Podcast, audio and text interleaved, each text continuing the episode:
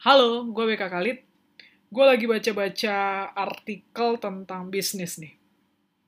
Dan gue tertarik tentang Global Entrepreneurship Index atau GEI yang dikeluarkan oleh JD, The Global Entrepreneurship and Development Institute, di mana mereka melakukan riset kepada 137 negara di dunia untuk menentukan berapa sih skor GEI mereka atau Global Entrepreneurship Index atau sederhananya kalau kita bahas Indonesia kan itu seperti iklim berbisnis. Jadi mereka melakukan riset terhadap 137 negara, 137 negara, diambil datanya, dicek, di riset gitu ya. Lalu dibuat skornya untuk menentukan ranking negara mana yang memiliki GEI yang paling tinggi dan siapa yang paling rendah. Jadi dibuat rankingnya tuh. Dari ranking pertama sampai 137. Karena ada 137 negara yang di riset di seluruh dunia. Dan sebagai orang Indonesia, udah pasti gue langsung ngecek dong, ya kan? Itu negara kita ada di urutan keberapa. Oke, dan akhirnya gue ketemu bahwa Indonesia itu ada di urutan ke-94 dari 137 negara dengan skor GEI-nya atau iklim berbisnisnya seberapa kondusif itu di angka 21 dengan range itu dari 0 sampai 100 dan kita angkanya 21 atau sederhananya gue bisa bilang bahwa dari 100 angkanya itu masih 21 berarti kayak uh, around 20% of 100% dan gue nggak tahu ini rendah atau enggak tapi ya well 94 rankingnya dari 137 negara berarti masih bisa sangat diimprove ya nggak?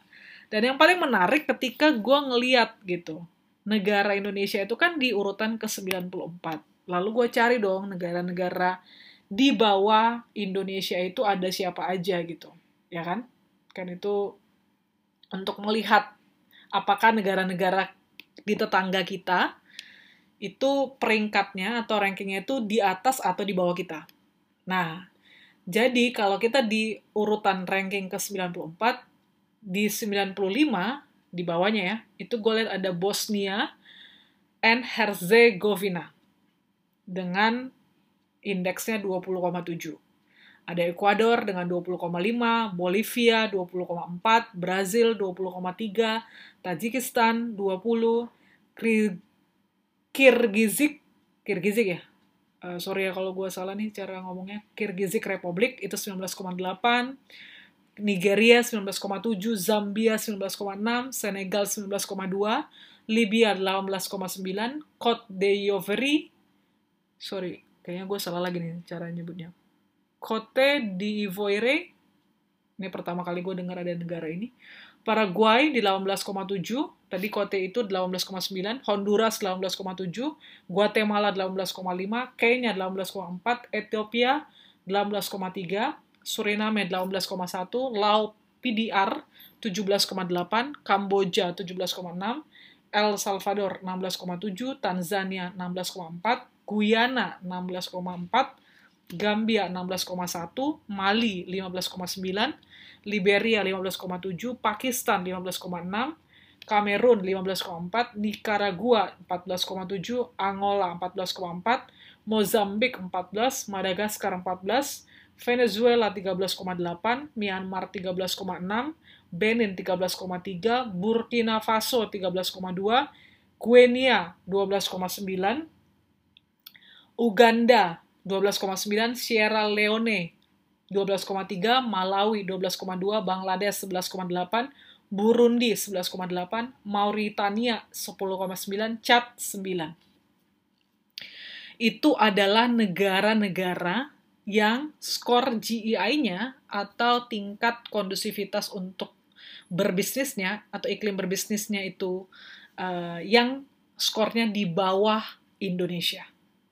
Kalau lo denger, kenapa gue sebut satu persatu negaranya supaya lu juga kebayang gitu, apakah negara-negara itu adalah negara-negara tetangga kita atau enggak. Dan kayaknya sih enggak ya.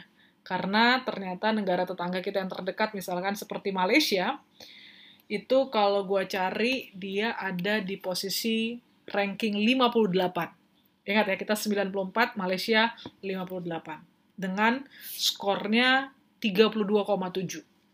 Oke. Kemudian Singapura. Singapura itu ada di 27, ranking 27 dengan skornya 52,7. Ya. 27 rankingnya Singapura dan skornya 52,7.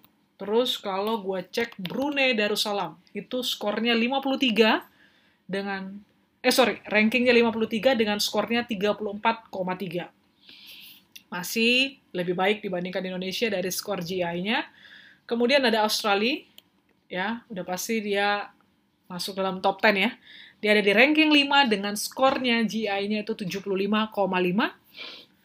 Lalu negara apa lagi? Yang dekat dengan kita, Filipina Filipina itu ada di angka 84 ya. 10 uh, ranking ya, 10 level di atas kita. Mereka masih di atas Indonesia, skornya masih lebih tinggi di atas Indonesia yaitu 24,1. Jadi, dari negara-negara yang tadi gue sebutin banyak banget, itu skornya, GI-nya, atau iklim berbisnisnya, atau artinya banyak pebisnis atau iklimnya kondusif untuk berbisnis, banyak entrepreneurnya, itu adalah negara-negara yang tidak ada di sekeliling kita atau tetangga kita persis yang dekat dengan kita. Sedangkan negara-negara yang gue sebut terakhir, seperti Malaysia, Singapura, Brunei Darussalam, Filipina, Australia, mereka adalah negara-negara yang iklim berbisnisnya itu lebih baik dibandingkan Indonesia. Ya, bahkan ada yang sampai uh, top 10 ya, itu ada di Australia, bahkan yang masih jauh dari kita di atas kita itu adalah Singapura gitu. Dan itu uh, kebanyakan itu sangat relate dengan GDP-nya, GDP setiap negara. Sehingga dari sini bisa kita lihat ya, ada hubungan yang sangat kuat gitu antara nilai GDP dengan skor GEI. Jadi semakin banyak entrepreneur atau semakin bagus iklim berbisnis di suatu negara, maka tingkat GDP-nya itu jadi semakin lebih baik atau semakin lebih tinggi. Nah, kalau negara kita masih di angka 94 dengan skor tadi 21 uh, uh, skor GI-nya atau iklim berbisnisnya, artinya kita masih banyak yang bisa diimprove gitu loh. Masih banyak yang bisa diperbaiki. Walaupun kita sering mendengar gitu ya, bahwa kompetisi sekarang itu rumit, sulit, berat gitu. Padahal angka entrepreneur itu di Indonesia masih sangat sedikit. Ada yang bilang kurang dari satu persen lah dan sebagainya. Tapi kompetisinya aja itu udah berat sebenarnya menurut gue yang buat berat itu bukanlah kompetisi lokal ataupun nasional aja. Tapi karena sekarang kita udah mulai borderless nih dengan uh, sistem yang sudah ada internet, dengan Google dan sebagainya, sehingga itu sangat terbuka dengan luas gitu. Uh, koneksi antara kita dengan negara luar, negara luar bisa masuk ke kita dengan sangat mudah gitu ya. Jadi lawan kita untuk berbisnis sekarang itu bukan lagi uh, dari lokal nasional. Apalagi kalau kita bisnisnya itu di bidang internet ya, sebagai startup atau tech startup gitu loh. Kita tuh udah bersaing dengan raksasa-raksasa yang uh, mainnya udah global gitu. Jadi memang iya, kondisi itu berat, kompetisi itu berat, tapi peluangnya juga sebenarnya semakin lama, uh, sorry, peluangnya sebenarnya menurut gue itu masih banyak banget gitu loh. Kalau memang iklim berbisnis atau jumlah entrepreneur di suatu negara itu itu bisa meningkatkan GDP suatu negara, maka sebenarnya kalau jumlah entrepreneur kita semakin banyak, apalagi ya catatannya harus bukan cuma jumlah entrepreneur yang bisa bertahan cuma kurang setahun dari setahun misalkan, tapi yang bertahan lebih panjang itu akan lebih baik gitu loh. Dan akan meningkatkan uh, kesejahteraan banyak orang, ya. Ini menarik banget sih artikel ini. Jadi ini menyadarkan gue bahwa Indonesia itu masih jauh ya untuk urusan entrepreneurship. Tapi uh, eh, gue sendiri nih yang mulai berkecimpung dalam usaha dan bisnis itu ngerasa bahwa uh, kompetisinya itu berat. Tapi gue rasa ya bahwa persaingan itu kan bukan cuma gue yang ngalamin gitu, tapi semua pebisnis. Even untuk negara-negara yang memang uh, skor GEI-nya atau iklim berbisnisnya itu sangat tinggi. Nah, pasti kalian juga penasaran kan ya, kalian sebenarnya bisa lihat ini sih di websitenya di dgd uh, dgd.org atau uh, tulisannya sederhananya uh, The GD ya. The GD itu adalah uh, institusi yang melakukan riset ini, itu The Global Entrepreneurship and Development Institute, atau tulisannya T H E G E D I .org, gitu ya. thegd.org. Nah, jadi 10 besar yang menempati skor tertinggi untuk GEI atau iklim berbisnis atau entrepreneur yang paling banyak dan kondisi iklim berbisnis yang paling bagus itu di peringkat 10. Kita mulai dari 10 dulu ya. Itu ada Prancis dengan skor GEI-nya 68,5, yang ke-9 Swedia 73,1, Irlandia 73,7 di peringkat 8, lalu diikuti oleh Islandia di peringkat 7, yaitu 74,2. 74,3 skornya itu diduduki oleh Denmark di posisi ke-6, dan posisi kelima ada Australia tadi, 75,5 skor GI-nya. Dan berikutnya di posisi keempat ada United Kingdom, UK, ya. Inggris itu ada 77,8 skornya.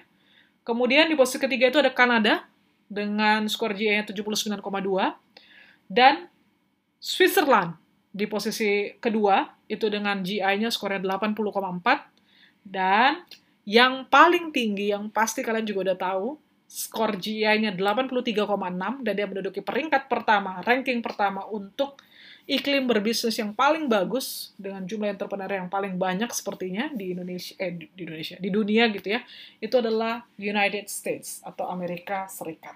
Wow. Ya.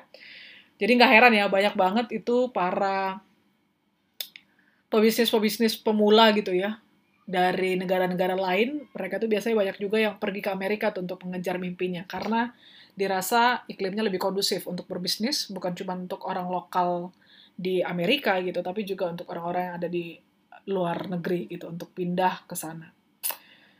Well, ini menjadi PR kita bersama-sama supaya kita di Indonesia semakin uh, bisa skor GI-nya atau iklim berbisnisnya semakin bagus, itu pasti didukung dari yang pertama dari pemerintah juga. Pemerintah harus mempermudah semua bentuk birokrasi, tidak ada korupsi, birokrasi yang dipermudah, prosesnya dipercepat, transparan, ya.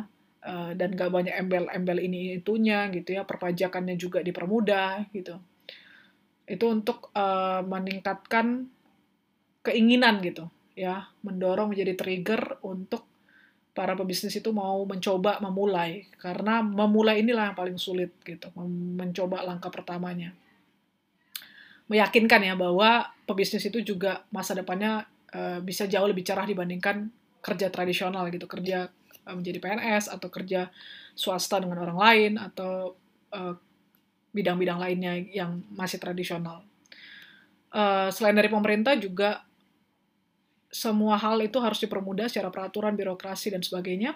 Juga dari sisi kita nih sebagai uh, sebagai rakyatnya masyarakat Indonesia yang harus mulai terbuka nih dengan sistem entrepreneurship Eh, kita nggak perlu persis sama seperti negara-negara barat gitu ya. Mungkin kita harus tetap mempertahankan nilai-nilai keluhuran kita di Indonesia seperti bagaimana kita saling gotong royong, tolong menolong gitu ya uh, dalam membangun bisnis gitu. Walaupun orang bilang bahwa ya bisnis ya bisnis teman-teman gitu, tapi gue rasa masih bisa kok kita uh, tetap mengedepankan nilai-nilai yang baik gitu dalam berbisnis. Oke, jadi buat kamu yang lagi bingung gitu ya mau memilih berbisnis atau bekerja, well itu cuman kamu yang bisa jawab dengan berbagai uh, berbagai dasar lah ya. Kamu harus uh, riset, kamu harus cari tahu uh, ini itu explore sebanyak-banyaknya gitu. Jangan asal mengambil keputusan karena resikonya gede. Uh, dan buat kamu yang lagi jalanin bisnis, pasti perjuangannya sangat berat, gak mudah gitu tapi ya tetap semangat tetap jalanin terus dan kayaknya uh, lu udah sering denger lah gitu kata-kata semangat ini yang penting uh, itu kan semua ada di tangan lo itu it's like your baby lah gitu dan buat yang udah gagal dan mau mencoba lagi ya coba aja lagi gitu. Nggak usah kita buat banyak drama ya ya coba lagi aja gitu. Oke? Okay? oke okay, kita ketemu lagi ya uh, di podcast berikutnya. Kayaknya gue masih mau ngebahas nih tentang bisnis bisnis ini. Thank you for listening